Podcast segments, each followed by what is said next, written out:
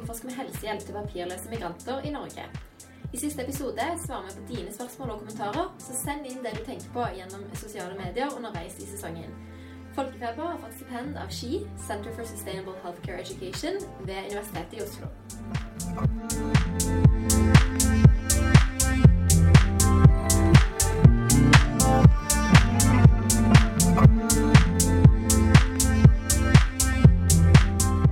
Og velkommen til en ny episode av Folkefeber. I dag skal vi utforske sykehusperspektivet eh, i denne sesongen med helsehjelpspapirløse. Og vi er så heldige å ha med oss lege og forfatter eh, Wasim, som er kjent eh, fra serien 'Hva feiler det deg?' på NRK, til å snakke med oss om dette.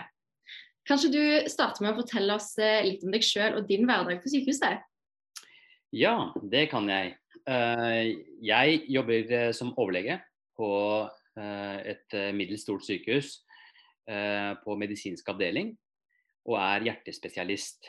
Eh, og min arbeidshverdag er eh, egentlig ganske variert. Eh, avdelingen vår er organisert slik at eh, det er stor variasjon i det vi gjør. Eh, Det kan være en uke på sengepost og gå vanlig visitt.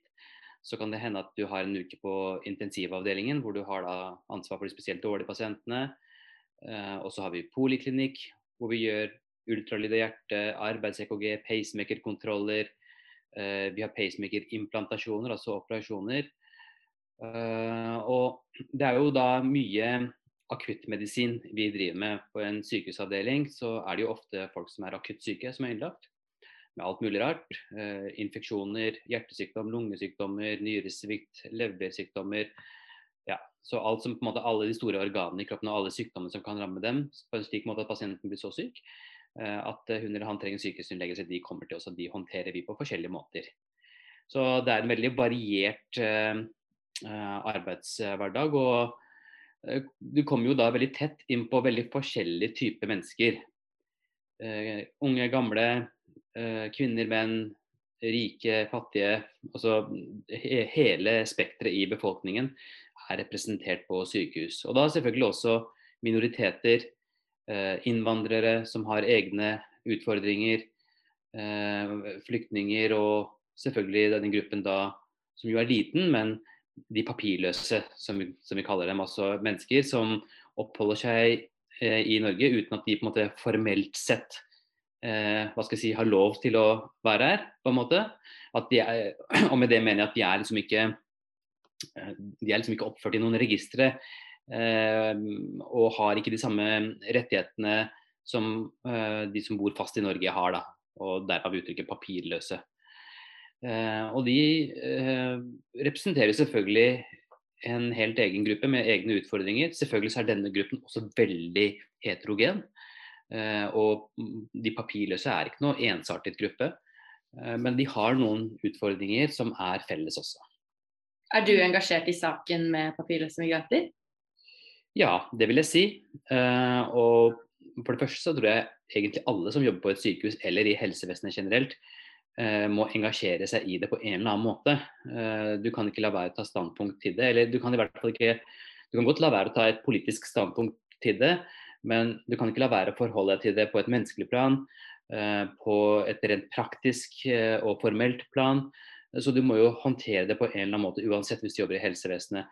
Og så kan man selvfølgelig være mer engasjert i det, og det har jo da litt å gjøre med ja, politisk eh, engasjement, om du er aktivistisk eller øh, Og jeg har jo, øh, og det er jeg da gjennom alle år så på en måte vært engasjert i ulike organisasjoner som, som jobber med mennesker da, i vanskelige situasjoner.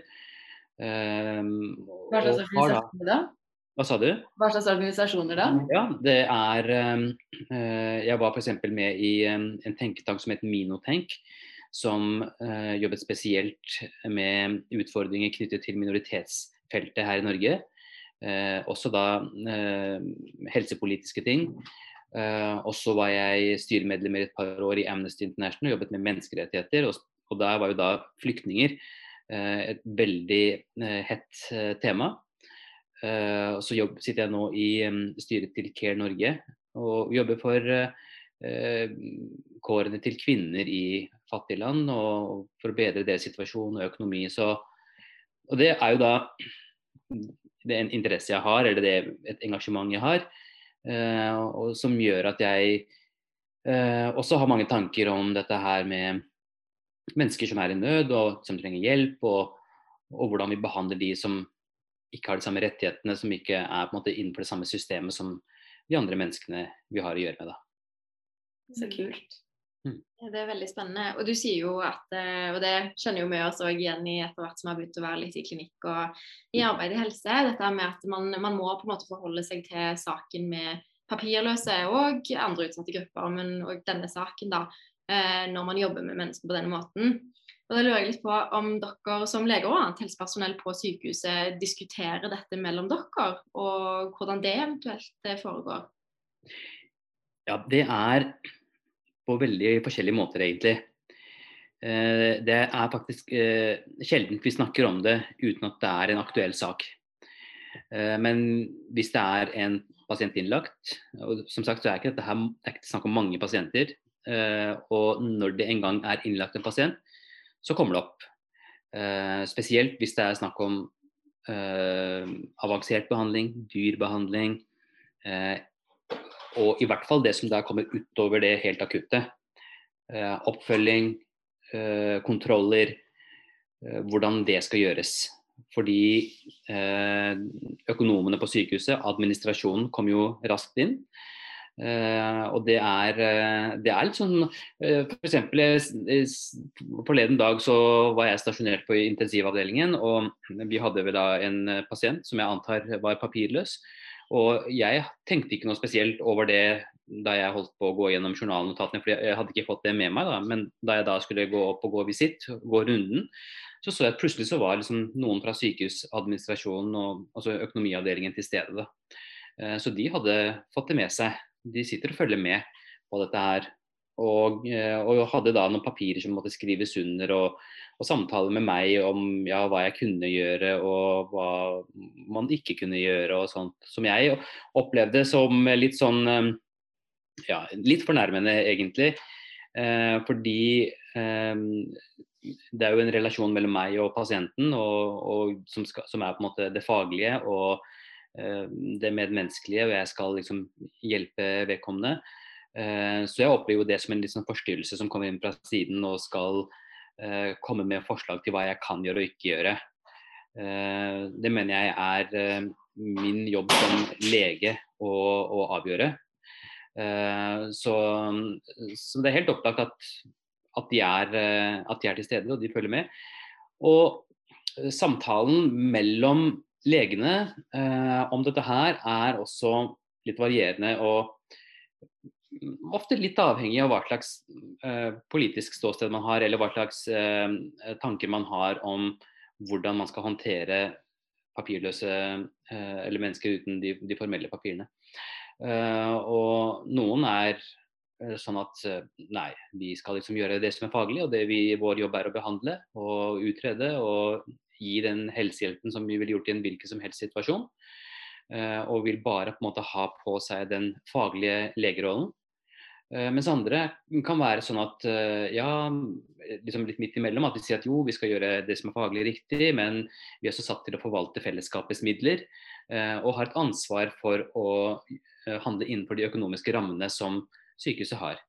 og så har du også noen få som er helt ute på den andre siden, som er veldig sånn på en måte fra helt fra starten av nei, her må vi på en måte gjøre minst mulig og uh, det som er helt nødvendig. Og så uh, må på en måte pasienten klare seg selv. Så du har på en måte hele det spekteret der, da. Er det, altså Vil du si at det er blant, blant leger, blant sykepleiere, blant alle som jobber på sykehuset, så, er det, så er, finnes hele spekteret? Eller er det f.eks. sånn at de fleste legene du kjenner på sykehuset, de mener det samme? Eh, ja.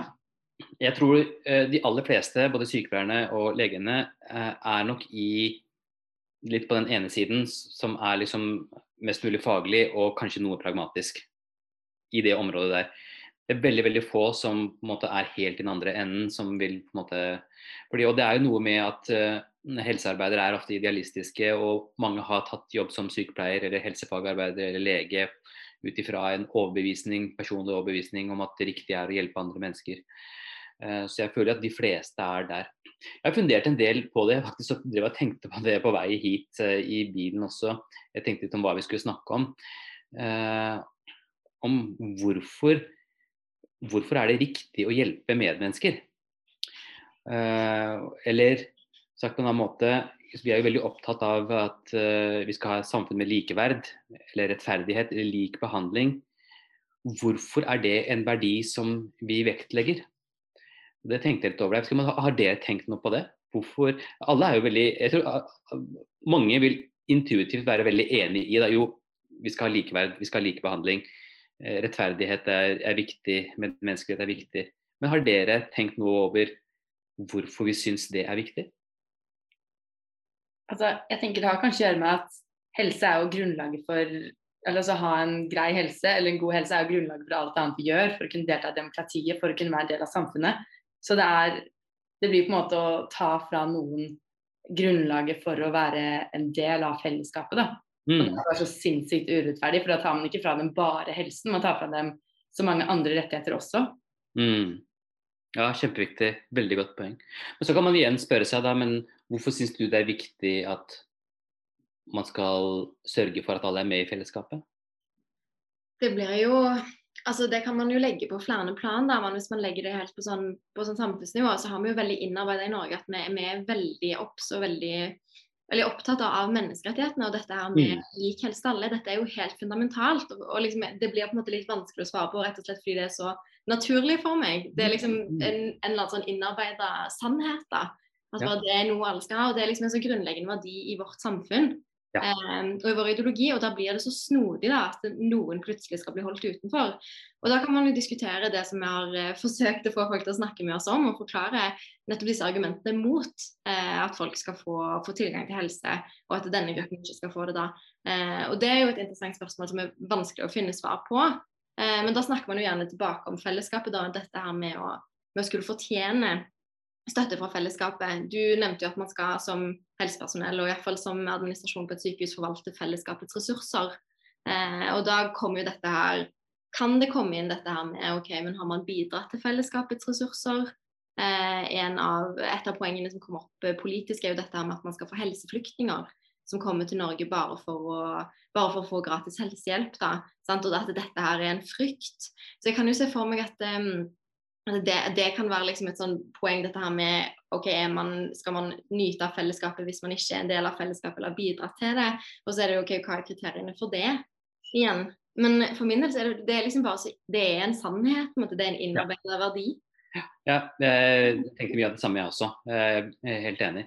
Og jeg tenker jo også at um, det er en del av særegenhetene til det moderne mennesket å, å bry seg. Altså vi man kan jo si mye om at ja, mennesker er kyniske, og det er konflikt og det er krig, og dessverre jo aktuelt nå. Uh, men jeg tror nok det er noe veldig grunnleggende ved oss mennesker at vi faktisk bryr oss da, uh, om hverandre. Og så tror jeg også det at ut, gjennom utviklingen vår, gjennom historien vår, så har vi erfart at samfunn som er egalitære, samfunn som er preget av likeverd, rettferdighet, solidaritet, som er preget av tillit mellom menneskene, Eh, er samfunn som er mer harmoniske. Eh, og, og, det å gi lik behandling til alle, det, det, gjør rett og slett at flest mulig har det så godt som mulig. Og det skaper mer harmoni i orden. Og vi alle, alle, vi får det bedre, da. Jeg tror det er noe av grunnen til at vi er så opptatt av å, å likebehandle. fordi sånn som du sier, da. Hva er alternativet? Hva er et godt argument for å ikke eh, gi lik behandling? Uh, og jeg ser ikke noen gode argumenter for å ikke gi lik behandling. Snarere så tror jeg ved å ha et samfunn med diskriminering, uh, med urettferdighet, uh, uten likeverd, så får du konflikter, du får motsetninger og sosial uorden og på en måte ikke et hyggelig samfunn å være med. Og Det ser vi jo et eksempel på, hvis jeg kan tillate meg å være vi har en pågående konflikt nå i Midtøsten mellom eh, Israel og Palestina. Og, jo, eh, og I mine øyne så er det en konflikt som bunner i at det er, ikke er lik behandling mellom mennesker. Og Det er jo det som på en måte er den store sorgen til palestinerne, at de ikke føler seg likebehandlet. Og Det er det som skjer. Så Derfor eh, tenker jeg at det er så viktig å, å, å behandle mennesker likt. Og da også eh, når det gjelder behandling på sykehus uavhengig av egentlig hva slags rettigheter du har rent formelt i et land, um, så tror jeg det er så viktig å, å gi den like behandlingen til folk, og, uh, og sånn sett styrke fellesskapet og samfunnet. Mm. Ja, for det er jo det som blir så interessant nå som du forteller at eh, da kommer liksom de økonomiansvarlige på sykehuset ned og skal diskutere med deg om helse. For Det, det syns jeg har vært ganske spennende med, med denne sesongen, der vi har på en måte erfart med at plutselig så er innvandringsregulerende hensyn og økonomi eh, en leges ansvar. Hvorfor skal ikke bare helsen være, være, ditt domene? da? Hvorfor skal du på en måte ta hensyn til å, å måtte forholde det? Og jeg er helt med på dette med å forvalte fellesskapets ressurser, eh, men eh, når, eh, når rett til helse er en menneskerettighet, og når rettferdighet da, er en så grunnleggende verdi av demokratiet som er så sentralt hos oss. Mm. Hvorfor skal, hvorfor skal, du forholde deg til økonomi før helse? Hvorfor kommer ikke helsevurderingen før økonomien? Ja, veldig godt poeng. Og så En annen ting som jeg tenker, er at som sagt, så er dette egentlig veldig få pasienter det er snakk om. Uh, og det koster ikke mye penger. Det er, ikke, det er som regel ikke dyr, verken dyr behandling eller dyr oppfølging. Vi trenger egentlig ikke å gå. Vi, vi, vi har såpass bra med midler at dette her er ikke noe vi trenger å bruke store ressurser på å kontrollere. Uh, det er jo, vi bruker jo heldigvis veldig mye penger i helsevesenet uh, på liksom, dyre kreftbehandlinger, eh, hjertebehandlinger, alt mulig. Og det er, kjempe, det er jeg glad for. Det er et gode, og det skal vi være stolte over og glad for at vi bruker såpass mye på helse. Men da, det da disse eh, flyktningene koster oss, da, er så lite, er så veldig lite sammenlignet med hvor mye vi eh, har og bruker, at eh, noen ganger så føler jeg at det nesten blir litt smålig å gå og passe veldig mye på det også. Eh, at eh, det er ikke så mye å tjene på å ha den voldsomme, strenge kontrollen. Um, og at den prisen vi betaler med å føre en sånn sterk kontroll, da tenker jeg på den menneskelige prisen og på en måte den humanistiske prisen vi betaler, er høyere. Eh, så vi kan godt slakke litt ned på den, eh, at det, det, trenger ikke å være så voldsomt strengt. La oss gi de pasientene den oppfølgingen de trenger for å få, få tilbake helsen eller få, få riktig behandling, og så, og slik at de kan komme seg videre. Og Det er jo eh, også sånn at det å ikke gi god oppfølging, det er jo da for det første dårlig behandling, og, og for det andre også egentlig eh, uheldig økonomisk sett. For da gir du en ufullstendig behandling eh, hvis du ikke gir eh, videre oppfølging. Og Det fører igjen til større risiko for at pasienten kommer tilbake og krever en ny innleggelse, som selvfølgelig koster mye mer. Så eh, jeg tror det både med et menneskelig hensyn og for et økonomisk hensyn så er det lurt å fullføre jobben også med disse pasientene. Men kan jeg spørre hva slags helsehjelp Du, du nevnte at da sykehusledelsen kom og mm. sa hva slags hjelp du kunne gi og hva du ikke kunne gi. Hva mm. slags hjelp var det de sa du ikke kunne gi? Det som det ofte går på, det er jo liksom, vi, Den akutte hjelpen, den gir vi. Når kommer pasienten inn med et akutt hjerteinfarkt, så får, du, så får den pasienten all den behandlingen som en pasient med akutt hjerteinfarkt skal ha. Både eh, medisinsk behandling, PCI, altså gå inn og stente og den type ting. Helt det som er det akutte, det, det gjøres. Eh, spørsmålene dukker opp når da pasienten eh, skrives ut og trenger en eller annen form for oppfølging, kontroller på poliklinikken f.eks. Der kommer de til kort. For der, ikke de, der regnes ikke det lenger som på en måte akutt eh, helsehjelp. Eh, og, eh, og, de går glipp av viktig oppfølging og behandling der. Og jeg tenker jo det at selv om det, ja, det er ikke lenger livreddende behandling, men hvis man skulle hatt en hvilken som helst annen pasient her i Norge og kun gitt dem den helt akutte behandlingen og så gitt dem en klapp på skulderen og, og farvel, så hadde det vært veldig utilfredsstillende både for pasienten og for legen. Så det er en veldig ufullstendig måte å behandle på. Et annet eksempel eh, kan jo være f.eks. Eh, dette med dialyse, som er, eh, som er jo dyr eh, behandling, avansert behandling. Eh, men så er det i mange tilfeller så er det jo helt nødvendig å ha eh, dialyse, men så kommer det noen så, iblant litt sånne eh, grensetilfeller hvor man ikke på en måte Ja, er det noe som må gjøres nå? Kan det ventes? Eh, bør pasienten heller oppsøke hjelp eh, tilbake til sitt eget hjem? Litt den type spørsmålsstillinger. Ikke bare på dialyse, men også litt andre behandlinger. Dialyse var kanskje litt dårlig eksempel, fordi der får man som regel det. Men det finnes en del andre sykehusbehandlinger f.eks. transfusjoner av ulike midler, medisiner, som er en del av en langtidsbehandling, som ikke lenger omfattes av den akutte behandlingen, så kommer det begrensninger der. Eh, og som oppleves som utilfredsstillende som en, for en fagperson. Men kunne du, hvis du hadde hatt en sånn pasient, da kunne du bare satt, satt den pasienten opp på poliklinikken og bare bestemt at den pasienten skal på oppfølging, selv om kanskje sykehusledelsen ikke mener at det er penger til det, eller at du ikke helt følger retningslinjene, kunne du bare bestemt det og gjort det? Nei, ikke uten videre. Fordi eh, det er liksom du har oss legene som gjør det medisinske, og så har du på en måte merkantil som driver med administrasjon og innkallinger og setter opp uh, ventelister og poliklinikklister og den type ting. Så det er noe som på en måte da er litt ute av hendene våre. Når jeg skriver ut en pasient, så sender jeg da en intern melding til poliklinikken om at uh, denne pasienten må settes opp f.eks. på en ekokardiografi om tre måneder. Og så slipper jeg det. Og så er det jo klart at Da går det en administrativ gang et eller annet sted. og Det er noen som faktisk skal da plukke ut eh, henvisningen min og lese den og sette opp på en poliklinikk. Og Der vil jo da eh, f.eks. en eller annen i administrasjonen eller sekretariatet se at ok, her er det ikke et norsk personnummer, hva er det for noe? Går inn og sjekker, vedkommende har ikke rettighet, eh, og setter da ikke opp, f.eks. Eh, så, eh, og, og, det er ikke sikkert at jeg eh, legger merke til det. Jeg husker jo ikke det. Jeg skriver jo ut kanskje ti pasienter hver eneste dag. Og jeg husker jo ikke tre måneder senere hvem jeg skulle hatt på poliklinikken eller ikke. Så det er ikke sånn at det er alt er i din makt som lege å bare bestemme det. Det er klart, jeg kan nok tenke meg at hvis jeg hadde vært veldig standhaftig og påståelig og gått ned på kontoret og spurt hvorfor er ikke den satt opp, og så krevd at jo, den, hun må settes opp, vi må ha en, så hadde jeg sikkert fått det til. Eh, men det er jo da unødvendig mye pes og, og krefter å bruke. Det burde jo ikke være sånn. Mm. Ja, men fordi Du blir ikke informert hvis de blir fjerna fra en innkallingsliste, eller hvis de liksom ikke blir innkalt. da. Du blir ikke informert om det? hvis de... Det, det kan hende noen ganger så blir du det, noen ganger blir du ikke det. Det kan også avhenge av hvem som har håndtert saken også. Jeg synes det er veldig spennende dette her med på en måte møtet mellom, uh, mellom liksom praktisk helsepersonell da, og sykehusadministrasjonen. Mm. Eh, har, du, har, du, forsøkt å snakke med dem, eller har du liksom, hvordan er det møtet? Hvordan er argumentasjonen for og imot? Hvis Du da, du sier jo at det er faglig lite tilfredsstillende å ikke kunne få følge opp en pasient skikkelig. Mm. Har, du, har, du, vært i en diskusjon eller en samtale med, med administrasjonen om det? Hvordan har det i så fall foregått? Jeg har ikke havnet i noen konflikt.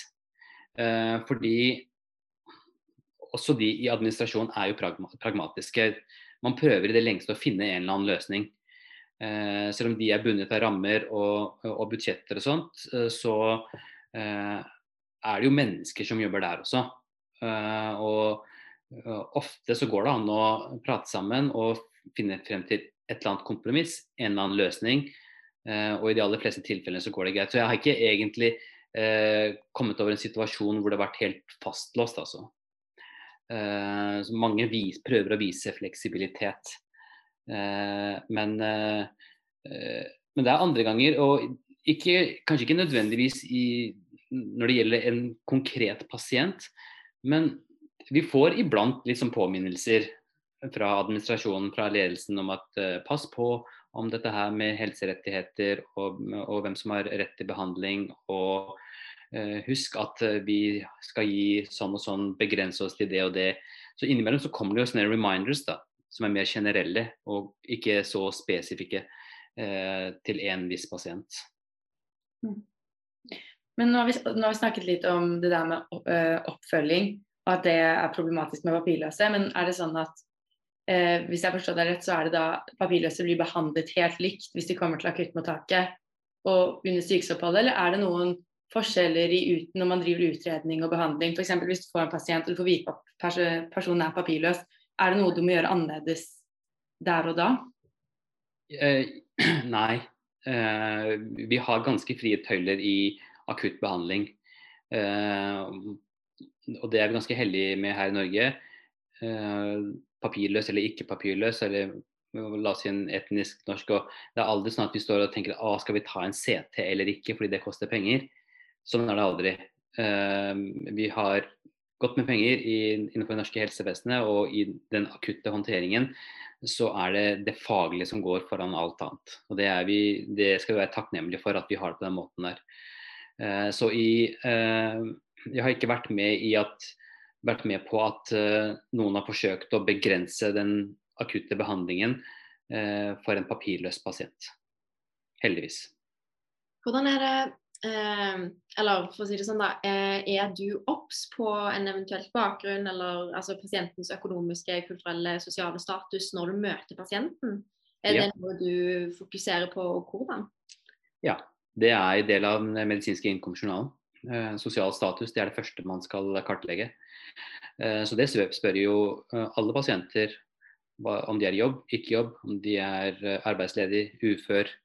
Fordi det er med på å danne et helhetlig bilde i den biopsykososiale modellen av pasienten.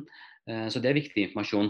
Og... Men utforsker du det grundigere? Liksom, går du videre på det? Er det noe du liksom er jakt etter hvis du mistenker noe, bruker du tid på det når du får inn en pasient. For det, er jo kjempeviktig å ta opp en fullstendig journal, selvfølgelig, mm. men det er jo dette med hvor langt eh, hvor, hvor, dypt går man på en måte i utforskningen av dette. Iallfall hvis du får noen mistanke, ikke nødvendigvis om en papirløs, men hvis du tenker kanskje Det har vi jo snakket litt om òg, dette med økonomiske forutsetninger for helse. Eh, om du blir bekymra for om pasienten kanskje ikke har råd til å ta ut den medisinen på apoteket i etterkant. Hvor, hvor grundig utforsker du, utforsker du, sosial og økonomisk status? Det gjør vi. Og, men jeg har nok ikke hatt en frykt for at en pasient ikke skal kunne ta ut medisiner. Eh, for det har vi ordninger for. Eh, det er mer det at eh, Og da kommer man da virkelig i et visst sosialt lag, f.eks. hvis det er en pasient uten fast bolig eller eh, la oss si et eh, rusbruk som er uheldig, eh, alkoholbruk som er uheldig, den type ting. Eh, som da eh, kan gjøre at jeg er bekymret for om vedkommende kommer til å klare å følge opp behandlingen, fordi behandling har vært komplisert. Men når du skal ta medisinene, hva som skal kombineres med hva, når du skal møte opp for å ta blodprøvekontroll, eh, om det er trygt f.eks. å gi blodfortynnende medisin til en som er, har et alkoholproblem, Eh, fordi man er redd for at vedkommende kan falle og få en indre blødning og den type ting. Så eh, det er i visse tilfeller hvor det er veldig viktig å gå grundigere inn i det. Og der har vi jo sosionomtjeneste til å hjelpe oss. Og vi kobler de ofte inn når vi ser at det er spesielt vanskelige sosiale forhold. Eh, og også da for de papirløse, når vi syns det er, kan være litt vanskelig å vite helt hva vi skal gjøre, så eh, kan vi få støtte fra sosionomtjenesten vår. Det, det må jeg også nevne, det er så viktig. Eh, et viktig verktøy som vi har. Eh, men for de aller, aller fleste pasientene så eh, er ikke den sosiale sykehistorien noe mer enn at du skriver om vedkommende er i arbeid eller uh, ufør eller et eller annet sånt. Uh, fordi de aller fleste uh, her i Norge, uavhengig av sosial status, klarer seg rimelig bra. men der hvor du får mistanke om at det er noe mer, noe spesielt, så utforsker du selvfølgelig det. Mm. Men disse sosionomene som du nevnte, sa du at de også Eh, kan bli involvert når det er saker med papirløse? Og på hvilken ja. måte da? Da kommer de og f.eks. kartlegger hva som er den sosiale situasjonen til pasienten. Uh, har en samtale rundt det. Uh, kartlegger kanskje hva slags økonomi de har. Hva slags ressurser de kan spille på for å følges opp videre. dette her med helsekompetanse. Mange av de som er papirløse, har jo veldig dårlig helsekompetanse, fordi de, det er ikke så lett å navigere, navigere seg i f.eks. Nav eller innenfor helsevesenet. Eh, hjelper dem med å måtte, finne frem i den jungelen der. Eh, så, eh, så, de, eh, og, og, lager ofte opp et, et, journalnotat med en strukturert plan og forslag om hva som bør gjøres. Så de, er det sånn at de lager en plan som er realistisk, fordi den planen med å bli fulgt opp på poliklinikk, det, det skjer jo åpenbart ikke. Er det sånn at de da lager opp en plan som fungerer innenfor de rammene som papirløse har? Ja, det er vanskelig for meg å vite hva, hva som skjer etter at pasienten har forlatt oss. Uh, og om de da faktisk går til det kontoret som de har blitt bedt om å gå til, og den type ting. Uh, men de prøver i hvert fall å, å hjelpe dem å, å, kartlegge og på en måte lage en sti for dem i hele det systemet her. Da. Det er jo veldig fint. Mm. Eh, hvis vi skifter fokuset litt til pasienten, eh, mm. merker du eller opplever du noe forskjell i hvordan pasienter fra utsatte grupper, som f.eks. papirløse, eh, forholder seg til deg som lege, eller til liksom helsetjenesten? Det er jo øh, Det er jo litt forskjellig. Det er veldig mye takknemlighet. Uh, fordi det er nok mange som føler at uh, Og det å få god helsehjelp er ikke noe de tar for gitt. Uh, og Så de er jo Det er det ene. At de er veldig takknemlige pasienter å jobbe med. Ofte. det andre er at det er en pasientgruppe hvor, hvor, de ofte har vanskelig bakgrunn, traumatiske ting tidligere i livet det er mange som har uh, flyktet fra vanskelige, om ikke krig, så i hvert fall andre traumer. Uh, og som jo selvfølgelig har en sterk påvirkning på helsen deres, psykisk helse. og, og så er det en del som kanskje kommer fra steder hvor man ikke har så høy tillit til helsevesenet. fordi helsevesenet er kanskje noe man forbinder med staten, og at man ikke har tillit til staten fordi staten er korrupt eller et eller annet sånt. Eh, og, som, eh, og at det også farger da måten de eh, er på, hva de forteller, hvor mye de deler. et annet problem som ofte dukker opp, er jo dette her med tolk. det er jo kjempeviktig, altså Språk er jo kjempeviktig. Og for at pasienten skal forstå og skal gjøre seg forstått, så er det viktig med tolk. Men f.eks. når vi har mennesker som kommer fra miljøer som er små i Norge, så kan jo pasienten være redd for at den tolken som kommer, egentlig kjenner deg da, eh, som pasient. Eh, og det kan bli kanskje oppleves litt for nært. At du må ut med personlige opplysninger til en som du tenker at er fra samme miljø som deg, da, nesten. Eh, så det er ikke alltid like lett å jeg kan tenke meg at det kan være en vanskelig situasjon når de ligger der og, og, skal formidle gjennom tolk. Både fordi det er på en måte språklig vanskelig, men også fordi at du er litt redd for hvor mye du kan fortelle. Eh, og jeg har også opplevd at eh, det er folk som har flyktet fra steder hvor de kanskje er redd for spionasje og den type ting.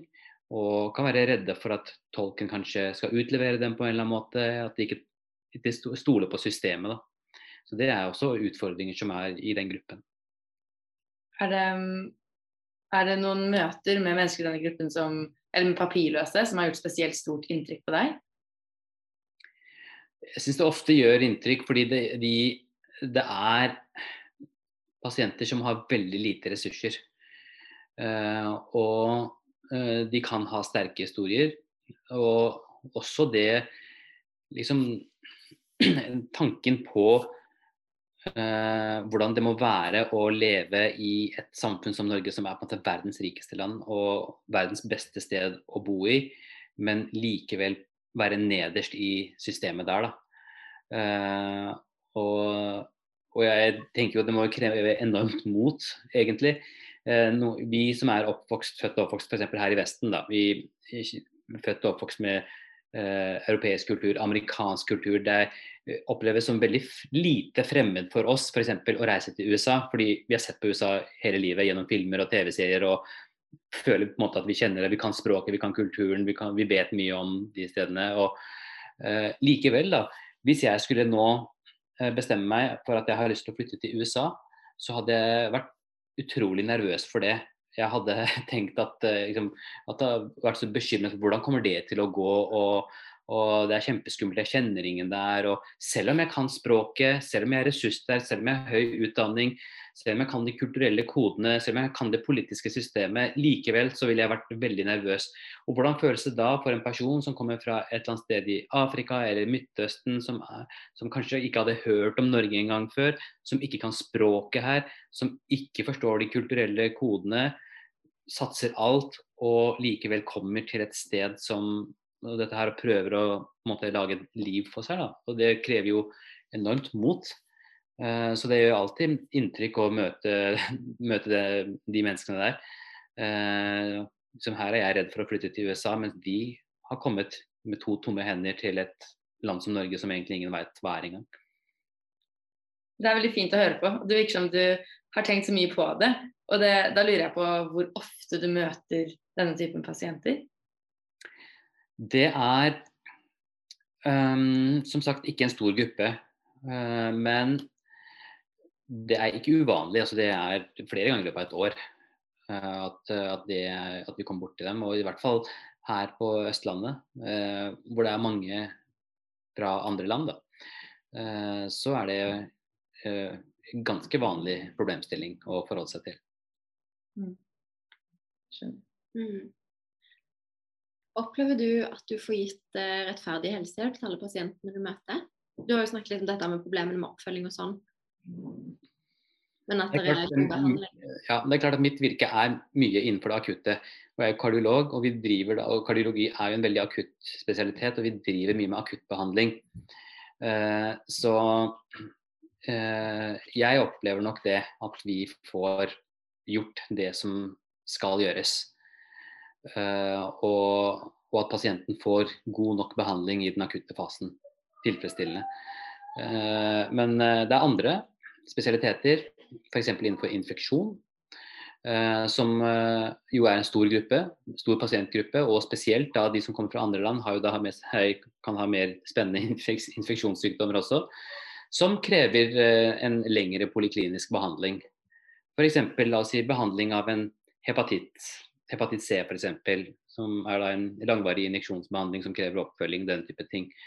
Uh, og der kommer jo da dette her inn. ikke sant? Og det er, det er en poliklinisk behandling som uh, uten den behandlingen så føler jeg syk, uh, men behandling er heller ikke livsnødvendig. Og da kommer det i en sånn gråsone for om den pasienten får behandling eller ikke. Og Det kan nok være litt arbitrært og litt tilfeldig hvem som får og hvem som ikke får. Eh, så mm, jeg har kollegaer som møter dette i enda større grad eh, enn det jeg gjør. Mm. Jeg lurer på om vi kan bevege oss litt bort til å snakke om eh, hva man, eller vi, kan gjøre for at papirløse skal få bedre helsehjelp. Og vi har snakket litt opp gjennom sesongen om, om det å uttale seg i media som lege. Og du har jo vært mye i media. Ja. Og vi lurer på om det er altså, Av og til så kan det føles litt som at som lege så forventes det at du er i hvert fall litt nøytral. Mm. Eh, og er det, noen, er det, noen, politiske temaer som man ikke bør ha, ha for sterke meninger om som lege, syns du? uh, hvis du er rasist, så bør du ikke være veldig åpen om det, holdt jeg på å si. Nei, altså, nei, det er jo Jeg, jeg syns jo at uh, leger er mennesker som alle andre, og selv om vi har den jobben vi har, så har vi også politiske meninger. Og det er lov for alle andre å uttrykke politiske meninger, og det eh, skal også være lov for leger. Jeg syns det er veldig rart eh, hvis jeg eh, nylig så lagde jeg en YouTube-video om eh, Israel-Palestina-konflikten, hvor jeg selvfølgelig da var eh, Hvor jeg fortalte hvorfor jeg støtter palestinerne i den saken. Eh, og da var det jo mange som kommenterte under at hvordan kan du som lege eh, ta en sånn politisk side? Eh, og, jeg tenker bare at eh, hvorfor ikke? Hvorfor skal jeg som ikke, lege ikke gjøre det? Kanskje jeg har spesielt gode forutsetninger for å ha en mening om den saken der. Og i hvert fall tenker jeg i helsepolitiske saker så har jo vi helsearbeidere et helt annet perspektiv som mange politikere eller eh, de som er i administrasjon og ledelse, ikke har. Vi, har jo, vi tar jo pulsen, pun intended, altså på en helt annen måte på situasjoner enn en det eh, andre kan gjøre. Så, eh, og det er klart, begge perspektiver er viktige. De som har et mer distansert blikk på helsevesenet, det er også viktig. Men like viktig er det det blikket vi har som står i det. Eh, og vi har også verdifulle erfaringer som jeg syns er viktig at uh, kommer frem. I, så jeg syns jo at man skal delta i uh, samfunnsdebatten og, og, og, og, være med å påvirke. Og Det er jo det som er poenget med å være med i samfunnsdebatten, er jo å påvirke opinion og påvirke politikere. For det er der, det er sånn man kan få til forandring. Man kan selvfølgelig, og det er også viktig, jobbe innenfor sitt eget sykehus, Eh, ha møter med administrasjonen, prøve å finne gode løsninger. Lage sånn, et eller annet samarbeid på poliklinikken. Sånne lokale løsninger. Det er veldig viktig. Men de store strukturelle forandringene de får vi hvis vi får politikerne til å gjøre disse forandringene. Og Den opinionen påvirker man i media, og sosiale medier, gjennom avisinnlegg, gjennom slike podcaster som dette er. Mm. Så når det kommer til saken med papirløse, da, hvordan tror du, tror du helsepersonell og sånn som du, andre leger, har, eh, altså har en, en viss autoritet når det kommer til saken med papirløse, fordi vi har det så hands on, sånn at vi kan på en måte Vi har eh, ja, en, eller at vi har muligheten da, til å gjøre, virkelig gjøre noe med saken. Mm. Og jeg tror at uh, her i Norge så har folk veldig høy tillit til helsearbeidere. Uh, og stoler på det leger sier, og lytter uh, til det helsearbeidere sier. og så, så jeg syns absolutt at vi skal, vi skal bruke det. Og, og, også bruke den stemmen da for å hjelpe papirløse flyktninger. Absolutt. Mm. Ok, men på sykehusnivå, da, du nevnte at de store endringene må skje på politisk nivå. Mm. Og det er det flere i podkasten som har snakket om også. Men mm. er det noe man kan gjøre eh, på sykehusnivå? Enten du som lege, eller hvis vi jobb, hadde jobbet som pleieassistent på det sykehuset du jobber på. Ja. Jeg syns at uh, som sagt så er, så er, det mennesker som jobber alt. Uh, og, og det, er ingen, det er ingen slemme, kyniske mennesker egentlig de aller fleste er pragmatiske. De aller fleste ønsker å gjøre godt og hjelpe folk. Fordi som sagt er det en av særegenhetene til oss mennesker at vi er på en måte Vi, vi vil gjerne hjelpe andre. Uh, så jeg tror det er lurt at man prøver å i den grad det er mulig, lage noen lokale systemer på det sykehuset. Hvis du har sykehus som ligger i nærheten av et eller annet asylmottak eller et eller annet sånt, at er, man vet at det er mange uh, At det er en, det er en greie. Uh, at man da har møte med ledelse, møte med administrasjonen. Prøver å møte hverandre, prøver å komme opp med noen løsninger som er gode som alle kan akseptere. Og som da kan gagne pasientene på en god måte. Eh, så systemene på sykehusene er ikke så rigide heller. Det er en del fleksibilitet og det er en del rom som man kan jobbe innenfor. Og optimalisere innenfor måte, det man har, eh, for å gjøre ting bedre. Eh, så jeg tror det er litt lett å falle i den fallgruben at man på en måte seg tilbake og sier at nei, liksom, her er det vanskelig, ledelsen er ikke med oss det er en del ting man kan få til innenfor kanskje strenge rammer også. Så ikke mist motet. Snakk med sidemannen, snakk med de andre som har jobbet på sykehuset. Prøv å få til noe sammen. Snakk med administrasjonen og ledelsen. Så er ofte folk villige til å inngå et eller annet kompromiss og finne en eller annen god løsning.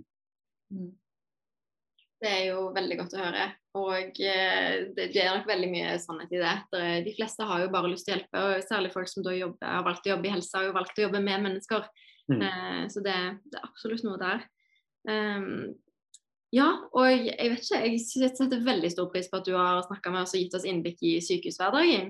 Og så lurer jeg på da om det er noe, noe spesielt du har lyst til å på en måte si, eller eh, at lytterne skal sitte igjen med eh, om denne saken og som lege, da nå etter denne episoden?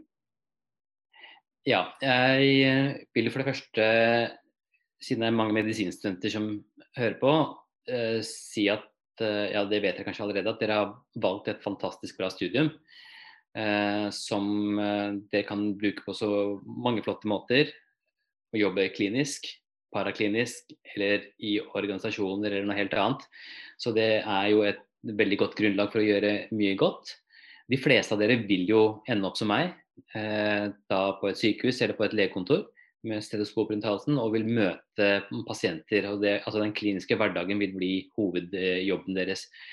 Så, og Det syns jeg dere skal glede dere til, fordi det er virkelig spennende og givende å, øh, å jobbe som lege. Og du kan gjøre utrolig mye godt for veldig mange mennesker, uavhengig av om du er fastlege eller hjernekirurg eller hva du er.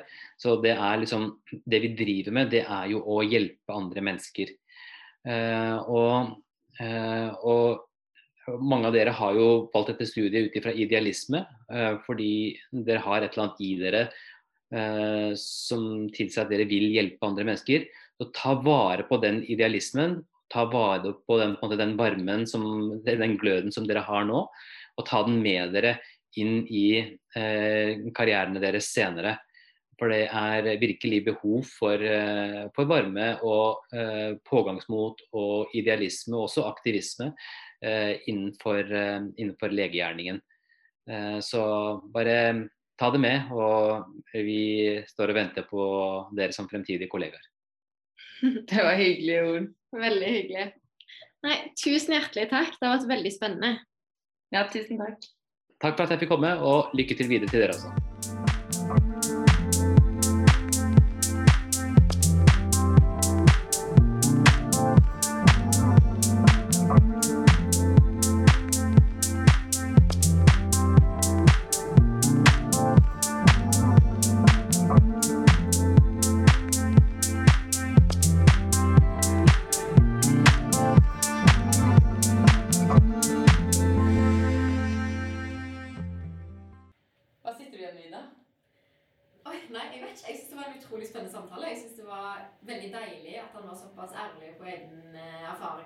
Erfaringer og kom med masse eksempler og sånn.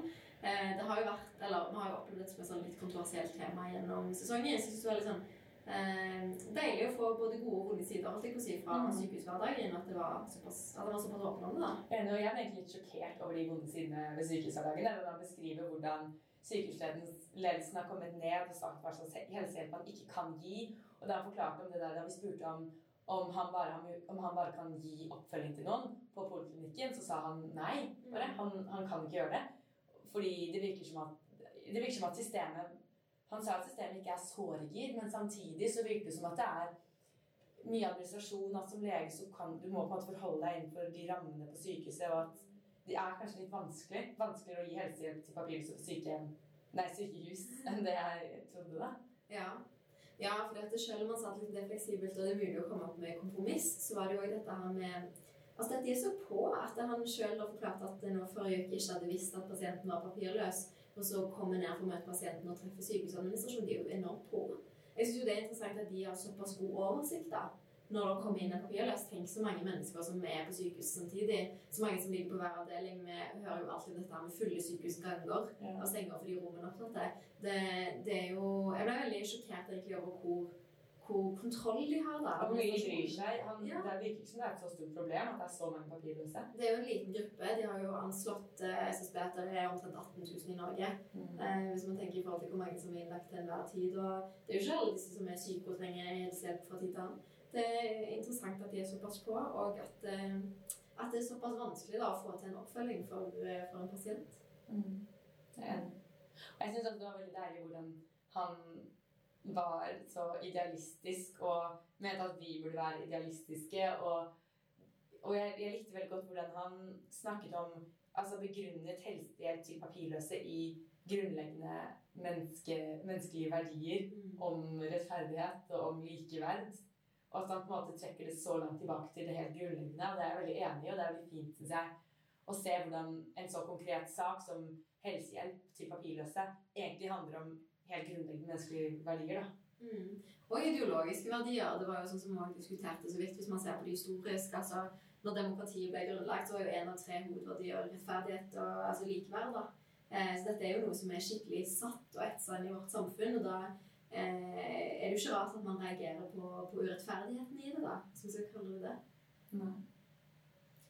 Jeg syns det var utrolig spennende å snakke med han. Og et viktig og spennende innsyn. Og så synes jeg, jeg ble sånn positivt overraska det vi bare kommenterer, at, eh, at de, de såpass at selv om de er såpass strenge på at det bare er akutthjelp, så får de sosionomtilsyn hvis de kan få lurt inn under akuttbehandling. Ja.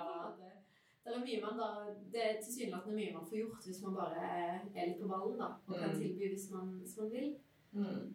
Mm. Ja, nei, jeg, jeg ble skikkelig imponert. Jeg visste ikke, jeg visste at Wasim var så engasjert i denne saken. Det virket som han hadde tenkt gjennom alt det vi spurte om, egentlig, Mm. på forhånd. Absolutt. Ja. Nei.